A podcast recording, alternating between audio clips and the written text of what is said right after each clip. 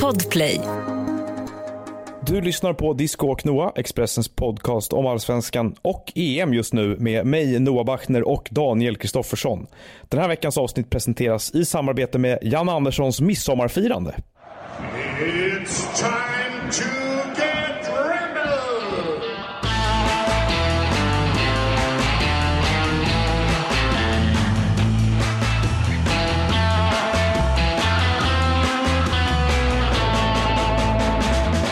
Som går ut på vad då Disco? Det låter som att du precis har fått en inblick i det.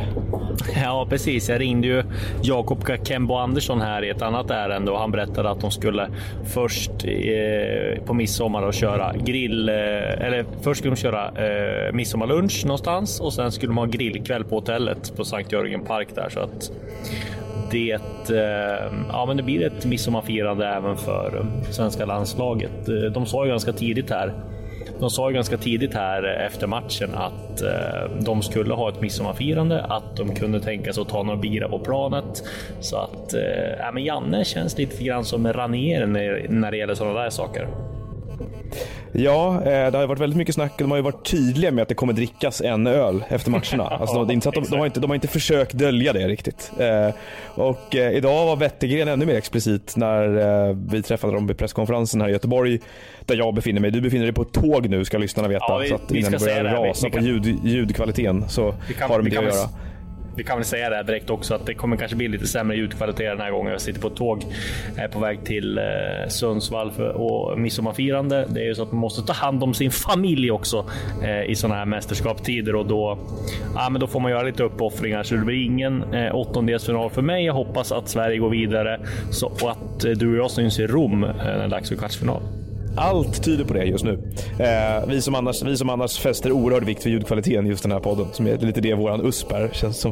Eh, men, eh, nej, men eh, vi kan väl säga det, idag har Peter Wettergren ännu mer explicit med vad som gäller när det gäller kostintag då, om man ställer det i kontrast till Erik Hamrén till exempel, som på sin sista presskonferens i ut, på den franska Atlantkusten där vid Pornichet där de var då eh, 2016 sa att det var, bland det han var mest stolt över som svensk förbundskapten det var att ha höjt medvetenheten om vikten av bra kost för spelarna. Så berättar Wettergren idag att de åt pizza efter matchen igår och kom hem och åt hamburgare direkt.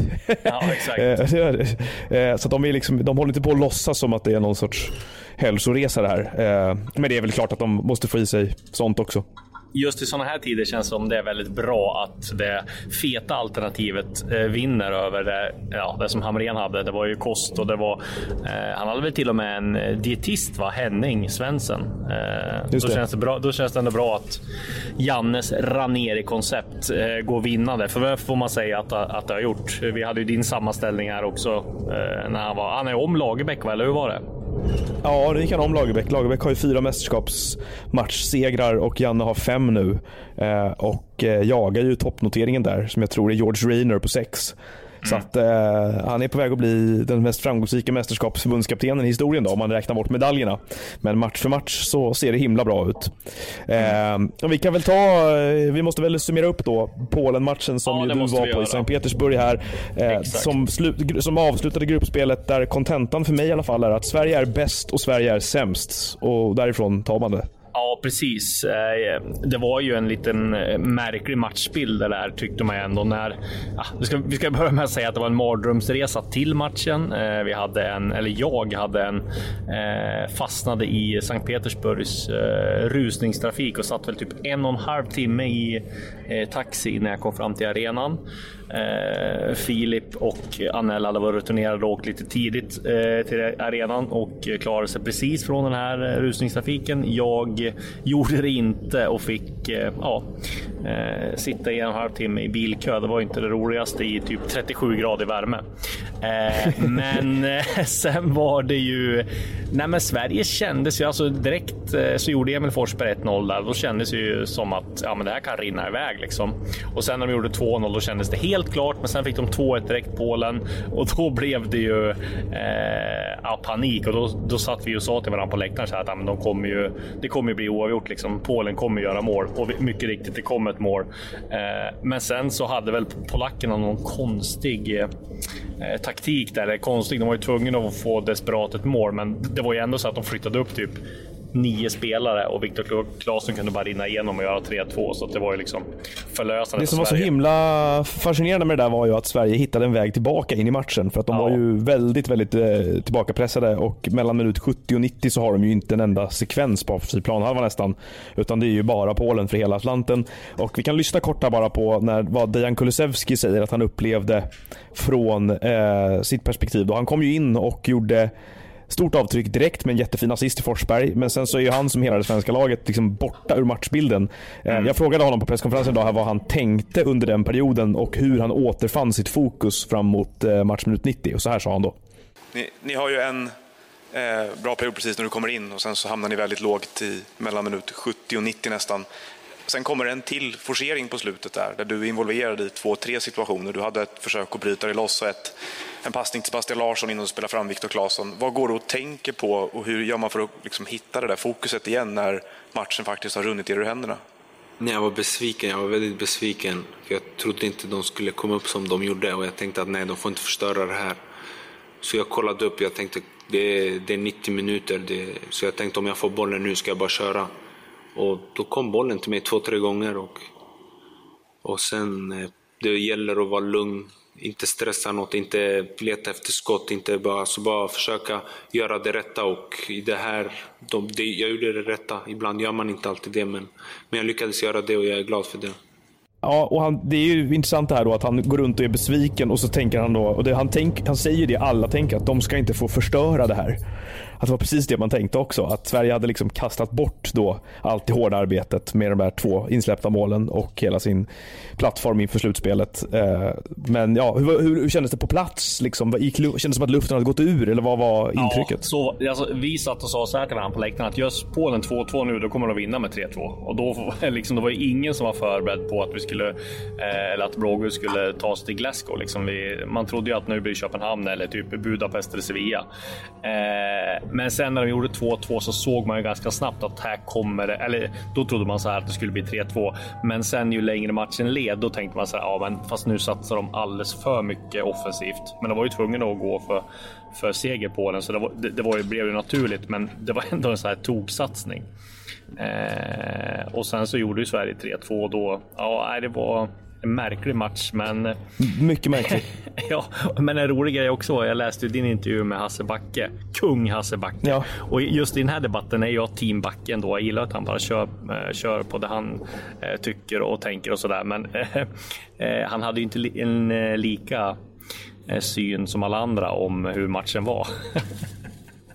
Berätta Nej, det var ju en... hur det var när du ja, det ringde. var, för, ja, för jag var ju på redaktionen eh, under den här matchen i Stockholm. Eh, nu är jag tillbaka i Göteborg här. Eh, men vi, vi växeldrar ju lite grann i det här mästerskapet då. Men ja, nej, men där, där är en sån sak som man tar fasta på då som sportredaktion. Att det är en jäkla massa upprördhet där ute över hur Hasse Backe ser matchen. och eh, folk var ju skogstokiga över att han var så himla lugn. För han, han Ja. predikade ju då i 90 minuter att det var ingen fara. Så jag hade järnkoll på det här. Och själv tyckte man ju, Total och jag tror att många tyckte också att, de, att det var, kändes ganska oroligt det här för att Polen fortsatte liksom och bara tryckat ner oss och skicka in inlägg hela tiden. Och, och, men han menar ju då, och då, då sa han att han hade fått höra från, från två personer som han var med eh, där vid matchen då att eh, Ja men du, de är förbannade där ute liksom, eh, nu på hur, att du har varit så. Eller de, det är mycket reaktioner här på att du har eh, eh, varit så himla lugn och sagt att allt är cool hela tiden här. Så då, då satte han sig då på morgonen här ja, eh, idag och såg om andra halvlek för att se om han hade missuppfattat någonting. Men han höll kvar helt och hållet vid samma, vid samma bild. Ja. eh, när jag pratade med honom idag. Eh, jag håller med dig. Vet du vad jag gillar mest med det? Det är att folk litar på vad de själva ser. Jag behöver Ja, inte alltid hålla precis. med varandra. Men Nej. det värsta man vet är de som är så himla osäkra på om de har uppfattat eller analyserat saker rätt. Att de liksom söker konsensus någonstans. Där. Han, han har sett det där. Och, och, och jag förstår vad han menar också. Men, i just Backe känns det också som att han har så stor kunskap i att, han kan backa upp sina, sina eh, åsikter och, och hur han såg matchen. Jag menar, han har ju en av de mest erfarna tränarna i eh, svensk historia får man ju säga. Han har ju varit i landslag och med Svennis och nej, men han är ett respekterat namn. Men sen finns det många Absolut. såg jag på Twitter som menar på att han ja, men det är dags att lägga av och sådär. Alltså, jag tycker tvärtom. Nej, det är väl lite, det är lite skönt, inte. skönt att han bara kör på sin grej liksom.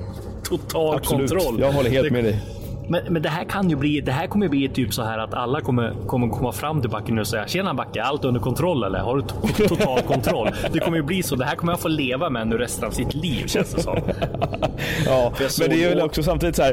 Är man kommentator då ska man ha en match där man går till historien och det kan vara vilket Exakt. skäl som helst. Exakt. Eh, det, jag tycker att det var, jag tycker att, eh, jag, jag, och jag håller med honom i delar av hans analys att Polen skickar ju in, jag räknade till 46 inlägg över hela matchen. Jag såg en siffra på det där, när, när de gör 2-2. Och det är väl lite sådär att okej, men slår du 46 då kommer ett missbedömas till slut. Så ta bort det. Men det är ju ingen speciellt bra metod för att anfalla. Och Sverige är ju ganska bekväma med att stå sådär lågt och ta bort inlägg. Eh, så att, att han menar då att Sverige har kontroll på att jobba Sverige, det är inte så att Sverige inte får, får, and, liksom, får andrum eller får luft utan de fattar ju på ett ungefär vart hän det barkar med den matchbilden som är. Så att, eh, ja, jag tycker nog ändå att Hasse Backe kommer vinnande ur sin egen analys av matchen.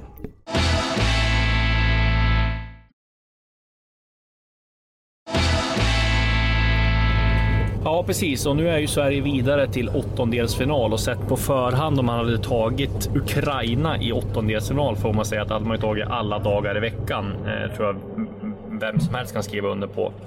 Eh, men om vi ska summera eh, ja, betygen eller Sveriges gruppspel så blir det väl ja, en tre eller fyra, fyra nästan va? Fyra av fem getingar, eller vad säger du? Ja, Ja, alltså det är det som är så himla svårt. Det jag menar förut om att Sverige är bäst och Sverige är sämst. Du är mer Eh, spelet och att jag det är, är klart mer att, resultat, eh, känns det som. Ja, så är det nog. Men det är väl de Exakt. hela befolkningen ja, befinner sig i. Är jag en fyra och du är en tre, Eh, det är tre getingar, så det blir tre och en halv getingar vi summerar på typ då. Ja. Ja men där landar vi någonstans ja. Jag tycker det är väldigt fascinerande att folk har så olika bilder av Ja. allt det här. Jag tycker det är kul att det är så. Att det är Men det så är väl lite grann som du har liksom, varit inne på i Men din ja, men jag med också, dig. att det blir den här diskussion. Så blev det ju med Lagerbäck också efter ett tag. Först kommer resultaten och sen blir det spelet och folk vill ju bli underhållna liksom. Det är det också på något vis. Så är den stora, och jag har inget problem med att de är tråkiga. Jag tycker att de ska spela på ett sätt som gör att de har bäst möjlighet att ta resultat. Jag tycker i vissa avseenden att de har varit överdrivet negativa. Men det som är väldigt talande nu är att de själva är ganska kritiska mot hur de har spelat med boll. Eh, att de vill ju inte heller se ut som de har sett ut. Men det går ju samtidigt, liksom, måste man ju konstatera, jag skrev om det idag här, att den här, den här järnviljan de har eh, liksom är ju en helt en unik egenskap för ett landslag. Jag kan inte föreställa mig ett enda landslag i hela världen som vinner en grupp i EM före Spanien, där Spanien spelar alla matcher på hemmaplan utan att imponera spelmässigt i någon match. Och dessutom gör det med, med det näst lägsta bollinnehavet i hela turneringen. Sämst passningsprocent, överlägset sämst passningsprocent i hela turneringen. Och minst antal passningar i hela turneringen. Men det är liksom så här, det är så här konstruktiva egenskaper som du ska inte kunna de andra lagen som har de, den typen av stats som är i närheten av Sverige har åkt ut allihopa. Alltså det, det, det finns inte, och det beror ju på någonting. Det beror ju på det här mer abstrakta då som de har, som de har skaffat sig som grupp helt enkelt. Så att, ja, och den egenskapen, man måste ju berömma den när man då kri- kritiserar spelet. Att det är inte vilket lag som helst som klarar det här. Det var Liksom. någon kompis till mig som skickade också som är på min sida och res resultatsidan. Vi har även några i vårt eh, kompisgäng också som är på resultat och underhållningssidan. Mm. Eh, men han skickade ju alltså att Slovakien hade ju mer possessions än vad Sverige hade mot Spanien. Eh, och Sverige fick 0-0 och Slovakien Ja. torskade med 5-0 liksom. Så att eh, allt är ju inte bara Ja. det heller. Nu, nu hade förvisso Slovakien en målvakt från Newcastle som slängde Ja. in bollen i eget mål. Exakt.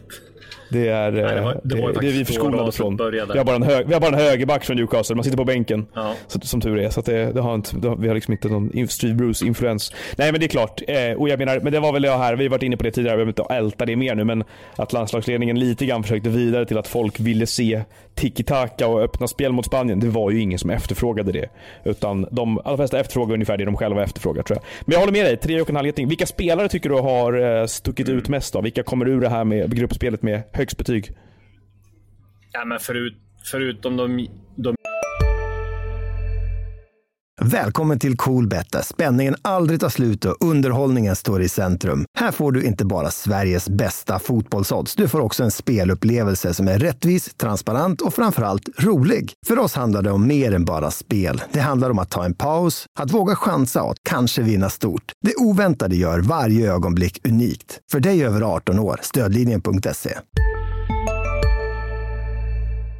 givna eh, som Emil Forsberg, Dejan- Kulusevski och Alexander Isak så tycker jag även Ludvig Augustinsson och Lindelöf har, har gjort det väldigt bra. Och såklart Robin Olsen då. Han är väl också dem. Det är väl, det är väl femma på Foppa, fyra på Olsen ja, är det fyra på Kulusevski för hans inhopp. Han har inte visat någonting annat än två assist och hur, varit hur bra som helst. det är svårt att sätta, sätta en fyra på något annat fyra på honom. Sen är det ju Isak då. Han är ju fyra i prestation, men som anfallare Han så ett ska det ju, är det mål, mål för att få sina, kvittera ut sina fyra getingar tycker nog jag också. Eh, att han landar Ja. på tre starka ändå. Eh, men han är ju där och snuddar. Sen är det ju, Så ja, är det det är ju många saker med Isaks spel. I, I två av tre matcher är han ju Sveriges bästa utespelare. Kanske, förutom, ja, Lin- Lin- Lindelöf var väl Sveriges bästa utespelare mot Spanien tycker jag i och för sig. Men eh, Sveriges bästa offensiva spelare och det betyder ju någonting också. Men jag, jag håller med dig helt rakt igenom de där. Augustinsson kommer lite i skymundan för att han har en ganska anonym position, men han sätter ju inte en fot fel eh, under de här matcherna heller. Eh, vad säger du om Danielssons gruppspel då? Det är lite ifrågasatt av vissa och vissa andra är ganska mycket mer berömmande. Ja, ja, jag tycker ändå, jag tror jag gav han en trea ändå. Jag tycker ändå att matcherna mot Slovakien och Spanien står ut. Sen gjorde han ett par missar i, de matcherna ändå som inte leder till någonting. Sen gjorde han en del, ja de sprang ihop där mot, mot Polen också. Men jag tycker ändå tre getingar ska han nog ha. Två känns för hårt. Eh, Två däremot gav jag till, till Kristoffer Olsson, Marcus Berg. Eh, och eh, ja, Lustig tror jag två eller tre också. Jag tyckte han fick lite oförtjänt skit mot Slovakien. Tyckte han var ganska bra då. Eh, när han slog det där inlägget till Ludde. Ja, och han var ganska involverad att, i, eh, i nej, matchen men- mot eh, Polen också faktiskt, även i offensiv riktning. Så att, eh, Ja, sen är det en precis. spelare här som vi inte Precis. nämner nu och det är väl talande att vi inte gör det. Men man måste på något sätt, jag, jag måste ge tre snudd på fyra getingar till Sebastian Larsson på grund av hans arbetsinsatser i alla matcherna. Eh, det inte, ser inte mycket ut för världen. Det är ingen spelare som någon kommer köpa hans tröj, namn på tröjan eh, den här gången heller. Men det är väldigt fascinerande med en spelare som, det skiljer liksom, det har gått nio år sedan han gjorde det senaste svenska spelmålet inför den här turneringen då i ett EM-slutspel 2012. Han var ifrågasatt då, han är ifrågasatt nu. Eh, han är helt given, han är kapten och han är Sveriges typ fjärde mesta landslagsspelare genom tiderna. Och ju mer, om man tittar noggrant på Sebastian Larsson, om man tittar på matcherna och vad han har för påverkan och om man även då lägger ett pussel för, kring vad han betyder för det här landslaget. Eh, och vad han, har, vad han förkroppsligar, om vi pratar om den här lite mer ja, den här diffusa egenskapen de har då. Den här offerviljan, den här sammanhållningen och mentaliteten. Han är ju den, den, den egenskapen i en spelare på ett sätt. Så jag är ju uppe och jag snuddar vid honom nästan fyra getingar för sitt gruppspel också faktiskt. Ja, håller helt med. Men sen så har ju jag eh, hånade väl lite grann alla de här värmerubrikerna när Sverige hade varit i Spanien och menade på att ja, men kom igen, det var 33-35 grader. Men sen fick man ju uppleva det själv i Sankt Petersburg också. Det var ju eh, helt horribelt när det var 37 grader där. Och sen så sa ju faktiskt eh, Albin Ekdal också efter matchen att han höll på att spy och svimma för att han aldrig upplevt något värre. Så att man ska nog ta det, det, det eh, man ska nog ta vad spelarna säger ganska allvarligt. Att det var svårare än vad vi kunde föreställa oss att spela i den där hettan. Eh, samtidigt blev det lite komiskt där när allt handlade om hur varmt det var. Så var det 35 grader liksom. Och så vet man hur det ska spelas i Qatar-VM. Där det är typ, Nej, det var, det var väl att det, var väl att det ja, tjatades lite 40-50 mycket om det kanske. Så Just att- det var ja, ny, något nytt 30 grader. Men, men det här att det var 37 i Sankt Petersburg, alltså det, det, jag, hörde, jag såg också intervjun med Ekdal efteråt där, där han pratade om det där att det var eh, som att spela en bastu. Och han har säkert en poäng i också att spelet blir lidande av det. Att när du är, får jobba utan boll i den värmen. Ja. Att det, men det blir väl skönt och svalt för dem eh, i Glasgow nu då. Vi hoppas väl på kuling och eh, det är väl att det regnar cider i sidled ungefär. Ja, men det, det var ju någon, han fick ju den frågan tror jag på presskonferensen efteråt, Albin Ekdal, och då sa han att det skulle vara 17 grader och mulet och det passar perfekt fotbollsväder. Så det, det är det ju. Eh, men om vi ska blicka framåt lite mot den matchen då så är det ju tråkiga är ju att det inte kommer vara kunna resa några svenska fans dit utan de svenska fans som är på plats kommer ju vara de som eh, ja, bor i Storbritannien. Precis. Det är ju inreseförbud. Vi får ett så kallat eh, undantagstillstånd höll jag på att säga. Men det är typ vad det är. Vi får ett, ett sorts exemption letter heter det från brittiska myndigheter för att resa in som Uefa-ackrediterad media. Eh, men ingen annan får ju resa in utan att sitta i karantän i tio dagar. Eh, Och Det innebär ju att det går inte att resa dit för att se matchen bara om man inte har varit lite proaktiv här då och rest till Storbritannien i hopp om att Sverige skulle få sin match i Glasgow eh, för ett x antal dagar sedan. Det är nog inte så många som har gjort det, så att vi kommer inte ha någon gul vägg på Hampton Park i alla fall. Nej, Lustig lovade ju det. Han sa att han hade tillräckligt med kompisar som kunde Han hade en egen gul vägg där, ja. Ja, Ja, jag men märkte. eh, ja, det är väl eh, att överdriva lite grann. Men det kan väl bli. Alltså, det bor ju väldigt många svenskar i London. Visst. Eh, sen om de är så sugna på att resa till Glasgow, det tar ju en bit. Jag själv åkt den. Den tågresan är i och för sig en fin tågresa och se det skotska, skotska höglandet. Men nej, det är väl tveksamt om de är sugen på att resa så här i pandemitider. Men ja, det blir väl lite gult och blått. Några hundra vore i ju en, positiv, en positiv injektion Ja, såklart. exakt. Om det var så där. Exakt. Ehm, I övrigt Men sen så... är ju en drömmotståndare får vi säga väl. Eh, Ukraina Ja, hade ska, man, ska, man vara, kunnat- ska man vara krass får man säga att det är det sämsta laget som är kvar i turneringen. Det är ju så. Eh, de, har ju, de var, gjorde en otroligt, ett otroligt bra kvalspel till EM. De vann ju sin grupp före Portugal och slog Portugal hemma och kryssade mot dem borta under ledning av Andrei Shevchenko. Då. Och man tänkte väl då när de kom in i turneringen att det här kan vara en dark horse. Att det här kanske är ett lag som är på, på frammarsch. Inte mycket har tytt på det hittills. De gjorde en helt okej match mot Holland när de föll, föll med 3-2. De hämtade upp 0-2 till 2-2 då och båda målen kom på fasta situationer.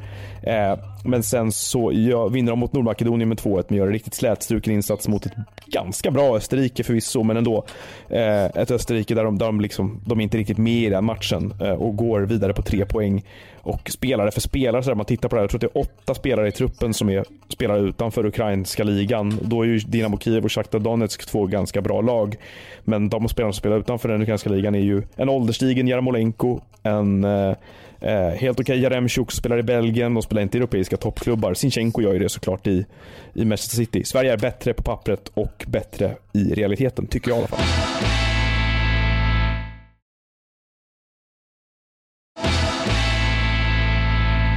Och sen, sen har vi ju upprättelse för Hamren att fixa också. Det, det var ju Hamren som snöpligt förlorade här i en premiären 2012 mot just Ukraina, hemmanationen. Så där har ju de revansch att, att ta. Jag såg att eh, Simon Bank tog upp en väldigt eh, komisk och tråkig detalj från den matchen. Eh, häromdagen. Nej, men att eh, Peter Wettergren var ju scout för landslaget då i samband med den Ja. matchen. Och han hade, han hade explicit varnat för att Ukraina spelade med Konoplyanka och Jarmolenko på varsin kant och hade fötter som var bättre inåt i planen. Att de hade bytt kant Ja. på dem. Så, att, ja. Eh, så han sa liksom att ihåg höger, jag var- den, han sa att oh, den ukrainska högerkanten är farlig. Liksom. Den måste vi se upp med. Där kommer det bra spelare. Mm. Och Hamrén eh, liksom nickar och tar emot eh, eh, informationen och spelar Ola Toivonen som vänsterytter. Ja, man ska inte skratta. Men jag kommer ihåg faktiskt hur försnacket i den matchen var. Allt, allt handlade om Jarmolenko då. Det var bara han det snackades om hela tiden. Till och med Zlatan kom nästan i skymundan där. Det var ju helt sinnessjukt att svenskarna bara var upphängda på Jarmolenko. Och Shevchenko gjorde båda målen va? Ja, jag tror det var. Nu är han förbundskapten. Ja, han gjorde ett av dem i alla fall. Ja. Ja. Eh, ja, nej, men det är väl en match Nej, som lika ett- lustig helst glömmer. Det var väl, har väl aldrig varit lika jobbigt för honom i landslagssammanhang som den här stolphistorien. Och eh, som sagt så var det väl även en match man minns också för att man var, jag minns att liksom man var man var förvånad att Marcus Rosenberg startade på topp med Zlatan Ibrahimovic som det var då också. Ja. Eh, Men Elmander, jag pratade med Elmander faktiskt om det. Han är ju med som expert för Radiosporten nu. Eh, Så han, han satt bakom mig på planet så jag snackade om det och han hade ju precis, eh, han var ju i superform då. Han sa det, jag har aldrig varit i så bra form någon gång. det var efter hans säsong i Bolton va? Han har varit riktigt bra i Bolton Ja, det året. tror det. Eh, Han han hade inte skrivit på för Galatasaray om jag minns rätt, men Ja, han det hade en han jättebra ja. säsong. Han har aldrig varit så bra någon gång sa han och han var så bitter över att han han hade det här fotproblemet. Jag kommer ihåg det, hur det var. För vi var ju, det, var ju, det handlade väldigt mycket också om inför liksom, i det här. De hade ju förläge på, i Gotland då, eller på Gotland. Eh, jag minns att jag och Djurborg var utsända, alltså Karl Djurborg, kollega då, som var utsänd och bevaka någon rehabklinik där på Gotland och fick honom eh, på bild när han cyklade dit och äh, det så, såg inte alls bra ut då. Och nu erkände, erkände han så här nio år efteråt att eh, han inte borde ha spelat överhuvudtaget för att hans Nej. fot var ju helt, helt paj liksom. Eh, och det var ju, det var ju, ja, det var synd för han hade verkligen behövts då.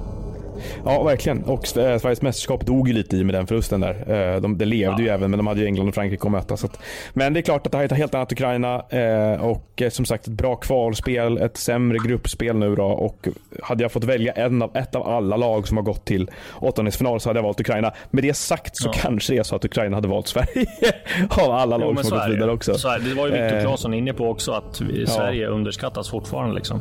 Ja, men eh, det man får säga, det man måste säga här i sammanhanget också är att Jan Andersson var inne på inför matchen mot Polen här på sin presskonferens att eh, det här var en 50-50 match tyckte han eh, mot Polen. Att mm. det är ett landslag som Sverige går 50-50 mot. Och i tävlingssammanhang har han fortfarande bara förlorat mot Bulgarien och Turkiet förutom världsnationer. Han har inte förlorat ja. tävlingsmatcher annars Nej. mot lag som Ukraina. Så att historien säger oss att Sverige kommer ha, vara bättre förberedda, ha en bättre matchplan och vinna den här matchen även om det är tight.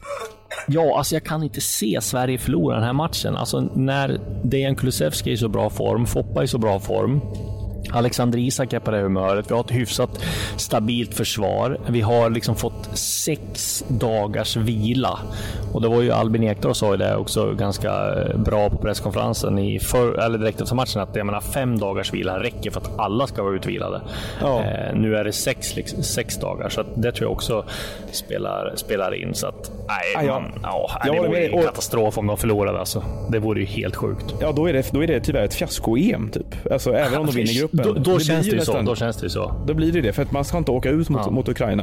Eh, men, men det som är, eh, jag tänker också är att nu har vi sett tre matcher där Sverige har haft totalt 30 minuter av konstruktivt anfallsspel. Och en kvart mot Polen också. Första kvarten.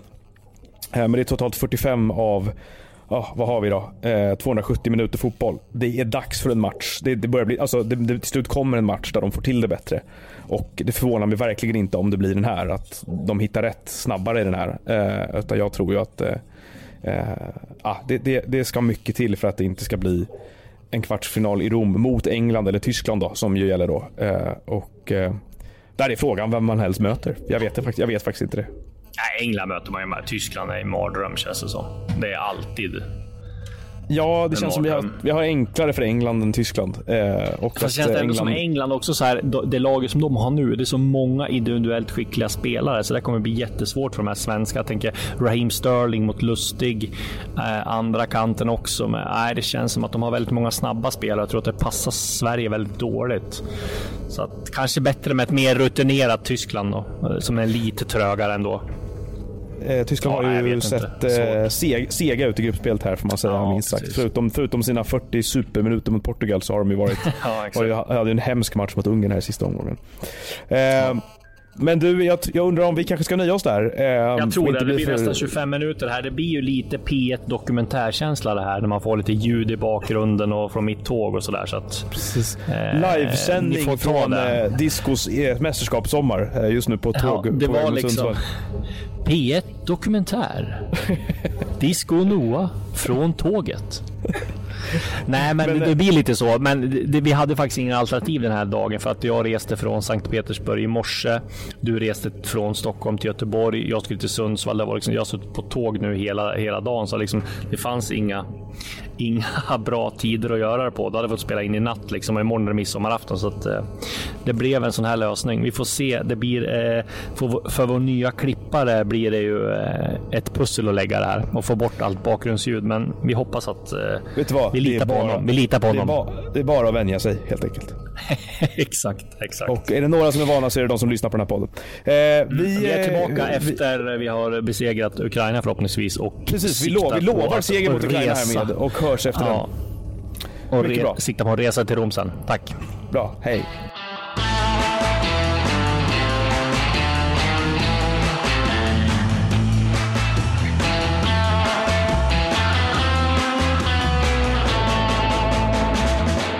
Du har lyssnat på en podcast från Expressen. Ansvarig utgivare är Klas Granström. Hej, Ulf Kristersson här. På många sätt är det en mörk tid vi lever i. Men nu tar vi ett stort steg för att göra Sverige till en tryggare och säkrare plats. Sverige är nu medlem i Nato. En för alla, alla för en. Vi är specialister på det vi gör, precis som du. Därför försäkrar vi på Swedea bara småföretag, som ditt. För oss är små företag alltid större än stora och vår företagsförsäkring anpassar sig helt efter firmans förutsättningar. Gå in på swedea.se företag och jämför själv.